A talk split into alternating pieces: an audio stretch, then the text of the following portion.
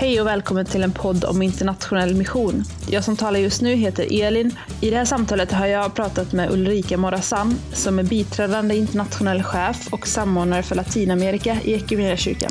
Vi har pratat om den rådande situationen kring covid-19, coronaviruset som sprider sig över hela vår värld. Och vi har särskilt pratat om hur det ser ut i våra samarbetskyrkor och samarbetsländer runt om i världen. Eller säger du Latinamerika eller säger du... Vad säger du? roll. Samordnare för Latinamerika. Ja, Biträdande internationell chef. Okej, då tar vi om. Hej Ulrika! Hej Elin. Du är ju samordnare för Latinamerika i Equmeniakyrkan och biträdande internationell chef. Precis, det stämmer. Vad gör en sån? Oj du, en sån har, som jag brukar säga, det absolut bästa yrket i världen. Jag får jobba nära samarbetskyrkor, eh, församlingar, människor i Latinamerika. Men jag får också jobba med ledningsfrågor kring Equmeniakyrkans internationella mission här i Sverige. De två bästa världarna i ett. Ja, det låter som ett inspirerande jobb. Ja, det är det. Men du, eh, vi samtalar ju idag för att vi har en väldigt speciell situation i hela världen i och med covid-19, coronaviruset. Det är en kris i många länder och en kommande kris i andra länder. Och jag tänker att vi ska prata lite om hur det ser ut bland våra missionsländer och våra vänner runt om i världen och hur de har det. Ja. Så kan du beskriva hur det ser ut i våra länder där vi har samarbetskyrkor idag? För det första så vill jag berätta att eh, mina kollegor på eh, internationella enheten och jag, vi är ju i tät kontakt med våra samarbetskyrkor i olika länder runt om världen. Så att vi har en ständig påfyllnad av information både i stora drag och i små drag om vad som händer. Och eh, det är klart att coronan har tagit fart och kommit olika långt i olika länder. Men det är ändå så att situationen påminner om varandra. Vilka behov som kommer fram i de olika länderna. Och i vissa länder till exempel så samarbetar vi med ett samfund i Spanien.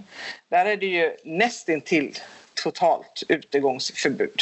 Du får gå och handla med ensam eh, och du måste kunna visa upp och förklara varför du går och handlar och sådana saker. Men ungefär mycket mer än det kan du inte göra. Medan i andra länder som vi har talat om som till exempel Indien där vi också har samarbetskyrkor där är det utegångsförbud, absolut.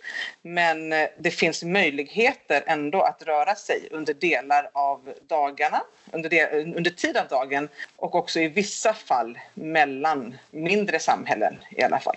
Så det kan vara liknande ehm, restriktioner i länderna men ändå så får det så väldigt olika vad det är för möjligheter helt enkelt till att agera. För att i Spanien idag gå ut med matpaket eller socialt Eh, ja, hjälp på det sättet är inte det enklaste. Medan i Indien finns det sådana möjligheter. Och vår samarbetskyrka i Indien har en otrolig erfarenhet av att arbeta socialt, att arbeta i allians med andra och gör det på ett otroligt sätt. Om man tittar lite på statistiken och sånt, så nu spelar vi in det här i början på april och, och vi i Sverige känner ju till coronaviruset ganska väl tror jag, vi som bor här. Hur tror du det är ute i de här länderna? Känner alla till det? Eller är det liksom myndigheter och organisationer som börjar prata om det och sådär? Eller är det allmän känt? Alla känner absolut inte till det. Absolut inte. Om vi till exempel tar Ecuador som ett exempel där ändå mobilnätet och möjligheten att kunna kolla internet i telefonen är relativt utspritt. Där finns det en, en ganska god kunskap. Inte en total på något sätt, men ändå. Men om vi sedan tar, tänker jag, Kongo-Brazzaville där du har byar där du kanske inte har mobilnätet eller eh, där man inte har möjlighet annars inte har råd att köpa data om man säger så för att kunna titta på internet i telefonen. Där har vi hört eh, viss information från våra missionärer om att i en del byar så säger man ja men corona, det är där borta, det kommer inte hit. Man hör talas om det men det är någonting där borta, någonting som inte berör oss. Och Eh, risken är stor att det kommer att beröra även dem. Så att det kan sprida sig, men det kan också vara sån där viss, eller informationen har spridit sig, men det är ändå en, en, en, vissa vill hålla en distans till det och tänka att det kommer inte till mig. Och då kanske man inte heller får information. Alla har absolut inte fått informationen om bara det basala, det här med hur vi tvättar våra händer. Och det är också en sådan sak som eh, samarbetskyrkor eh, berättar på olika sätt genom att knacka dörr på dörr, hålla avstånd självklart när man knackar dörr till dörr, men mm. berätta på det på så sätt. I andra länder eh, har man lagt upp det på Facebook. I andra länder har man målat det på stora murar ut mot gator att visa hur du ska tvätta händerna. Så att eh, våra samarbetskyrkor är absolut med och sprider information så att än fler ska få reda på vad jag kan göra för att försöka undvika smitta. Vi har ju några missionärer ute i världen just nu. Ja. Vart, vart har vi missionärer just nu? Som är ute i fält, som inte har kommit ja. hem till Sverige. Precis. Vi har i Kongo, Brazzaville och vi har i Spanien. Precis. Och så hade vi några som skulle iväg till Ecuador. Vi har en familj som skulle ha åkt för en och en halv, två veckor sedan till Ecuador, ja. Men som då inte kunde åka eftersom gränserna var stängda. Ja, det ställer till mycket eh, det här coronaviruset kan man säga. Men vad, ni som då har daglig, nästan daglig kontakt i alla fall med människor över hela vårt jordklot, så vad liksom känslan? Är det uppgivenhet eller Finns det, kan man känna hopp i dessa tider? Än så länge är det absolut inte uppgivenhet utan väldigt mycket hopp. Det kan bli mer uppgivenhet längre fram kan jag tro när situationen förvärras för människor som inte får lön, som inte har någon intäkt och sådant. Om, om det pågår under lång tid. Men just nu finns det absolut hopp. Kyrkor ser att de har någonting att bidra med och de gör det. De letar sätt att kunna bidra utifrån sina egna resurser. De säger också att det här har ju i flera länder gett en möjlighet att hur möts vi som församling? Gudstjänster via sociala medier på olika sätt. Att uppmuntra församlingsmedlemmar att, att ha andakt i sina hem inom familjen som bor i samma hem då såklart. Man uttrycker på ett sätt eh, hopp och glädje över att utveckla det här att hur är vi kyrka? Var är vi kyrka? När är vi kyrka? Och att det finns en otrolig eh, vilja att dela med sig. Även fast jag i stort sett inte har någonting själv hemma så vill jag dela med mig till den som har än mindre än vad jag har. Så att mm. än så länge finns det, jag ser mycket hopp, det gör jag. Och våra samarbetskyrkor agerar på ett otroligt sätt. Otroligt sätt. Vi har ju också en samarbetskyrka i Kina, i Wuhan, där man säger att coronautbrottet skedde eller där smittan började spridas? Liksom. Hur, hur, går det för dem? Ehm, just nu, eller det har gått relativt bra ändå mitt i allt under hela tiden. För att eftersom man inte fick samlas till eh, samlas överhuvudtaget och då inte heller till gudstjänster så började man sända gudstjänster via nätet vilket inte har varit tillåtet men nu fick man göra det. Det är otroligt positivt. Mm. Kyrkan där har också bidragit med sjukvårdsmaterial till sjukhus och kliniker. Ja, verkligen tar, tar agerar även där. Så att eh, nu funderar man i Kina inom vår samarbetskyrka, hur kan vi hjälpa andra länder? Hur kan vi hjälpa Sverige? Hur kan vi hjälpa Kongo? Hur kan vi hjälpa ja, vilket land det än kan vara, vad som är rimligt och möjligt. Så att, eh, det har inte varit lätt den tiden som det var total karantän på Wuhan. Absolut inte. Man hittade sätt att vara kyrka. Hur eh, ser det ut med våra pågående projekt ute i länderna? Och det fanns ju en hel del som var planerade för det här året som man såklart inte vet hur det kommer bli. Och, och ni som eh, jobbar som samordnare och, och, andra hade planerat att besöka samarbetskyrkor och, och vänner runt om i världen. Så vad, hur går det med allt det där? Ja du, alltså, mm, en hel del är ju satt på, är satt på paus om det inte går att förflytta sig i länder så går det inte alltid att genomföra de projekt och arbeten som var tänkta. Men det finns också länder där det går än så länge att röra sig eller där arbetena skulle ske på annat sätt så att det fortfarande fungerar. Så att det är liksom ett både och. Det är projektarbeten som är på paus och det är projekt som absolut fortgår, kanske inte helt som planerat men som fortgår utan tvekan. Ehm, och det finns också projekt där vi får ändra om lite i dem för att de behöver också då, eller kan svara på det här med corona. Som till exempel det stöd vi ger till um, till eh, drabbade i Syrien, och, ja, i Syrien och i Libanon. Utifrån den situationen som fanns där sedan innan så kan vi också se, behöver vi ändra om någonting eh, nu? Så projekten fortgår. När vi kan träffas ansikte mot ansikte igen, ja det vet inte jag ännu. Men som sagt, alltså, olika sociala medier som vi kan hålla kontakt med gör vi ju. Vi brukar göra det ganska regelbundet, men nu gör vi det ännu tätare och att få bära varandra. Att bli uppringd. Jag blev uppringd av kyrkoledaren från Ecuador. Jag behöver prata. Jag lyssnade, eh, vi bad och han såg bra mycket lättare ut efter att axlarna sjönk ner mycket. Så att även fast vi inte reser så är vi ju tätt i kontakt med varandra. Ja, det är häftigt. Alltså, vi får ju vara tacksamma för de möjligheterna vi har med internet och bra uppkopplingar i ganska stora delar av världen. Men inte i alla. Inte och det är också alla, sådant som vi Precis. tittar på. Finns det samarbetskyrkor där vi kan bidra till att de kan få en mm. bättre uppkoppling eller internetabonnemang för att de inte har det idag? För att där är det ju vanlig, man säger, en vanlig telefon som gäller i sådana fall just nu. Så det tittar vi också på, att hur vi kan ge bidrag. I vilka sammanhang behövs sådana stöd? Det har talats en del och, och eh, Gerhard, då, vår internationella chef, Gerhard Wilhelmsen och Lasse Svensson, vår kyrkoledare, skickade ut ett brev till församlingarna i slutet på förra veckan där man också då skriver om vår katastroffond. Ja. man uppmana till att ge bidrag till den. Vad är katastroffonden för någonting?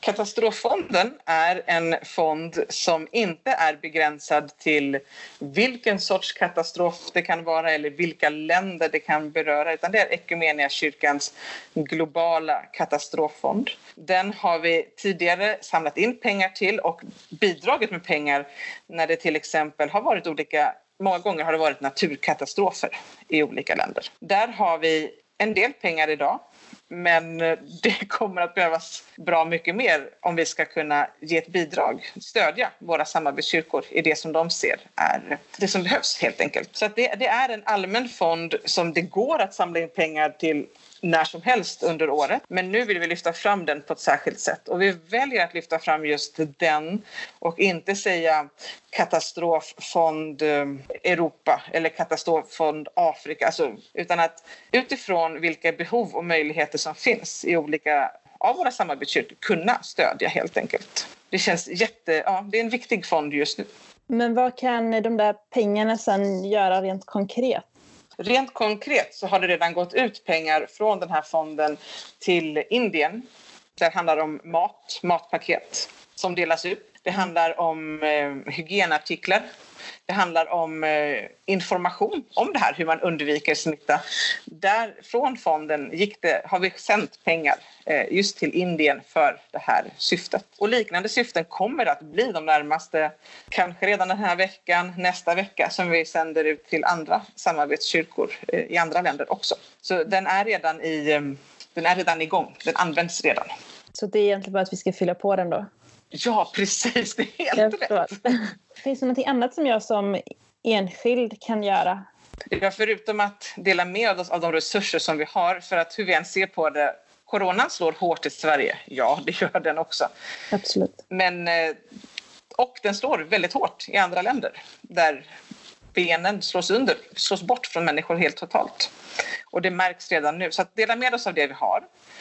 Att be, be för eh, för kyrkors ledning så att de ska veta vad de ska göra. B för de som i andra länder jobbar med eh, smitt, att ja, minska smittspridningen och sjukvården och allting. Det, bön har absolut kraft utan tvekan.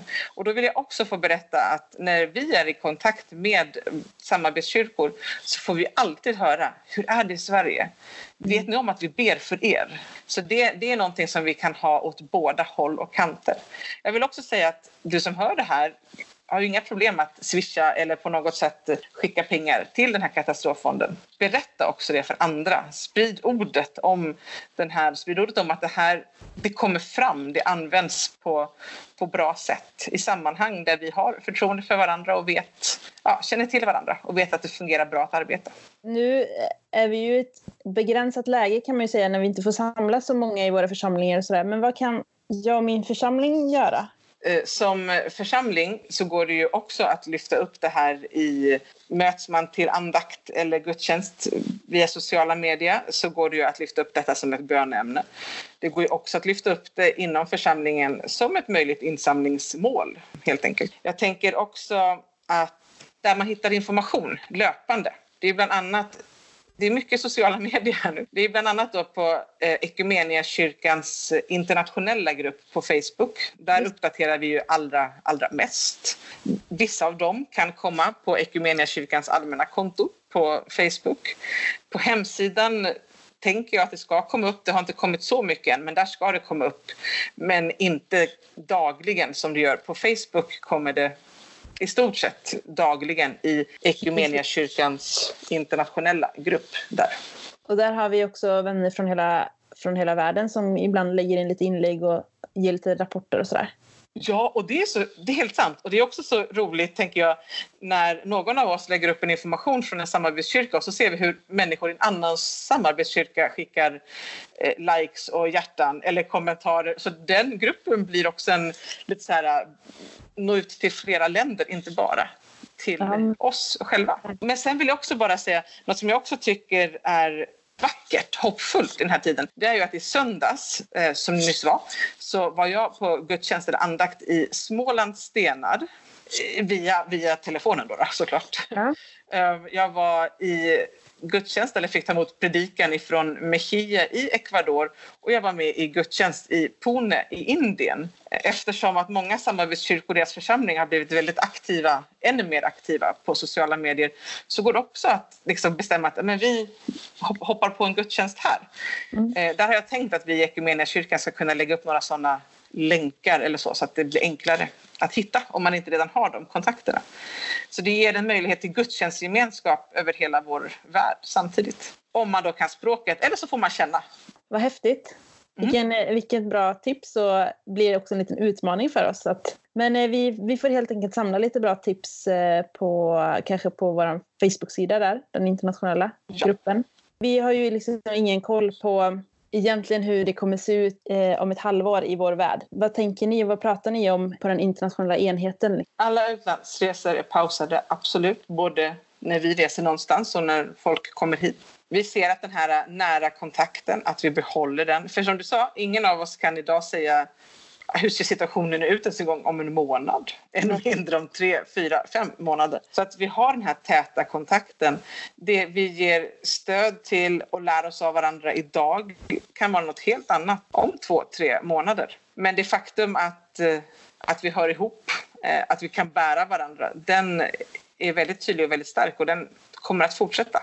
Men det går inte att säga, som sagt, vi har sett till att vi har mycket tät kontakt med samarbetskyrkorna och eh, att vi delar den med varandra inom internationella enheten så att vi vet om varandras sammanhang och att vi också ska vara duktiga på att dela det, till exempel på Facebookgruppen så att församlingar intresserade också kan vara så uppdaterade som det är möjligt på vad som händer. Tack Ulrika för att jag fick eh, prata med dig och för att vi fick en liksom, liten insyn i hur internationella enheten jobbar just nu. Och jag vill bara säga det igen att det är en svår situation eh, men vi har hoppet, hoppet i vår tro i Jesus och vi har hoppet i att vi hör ihop och att ena stunden är den ena delen av kyrkan, av den världsvida kyrkan som kan göra någonting. Nästa gång eller den andra. Men tillsammans håller vi liksom, är vi en enhet tillsammans. Så att jag, ja, känn hopp mitt i det svåra.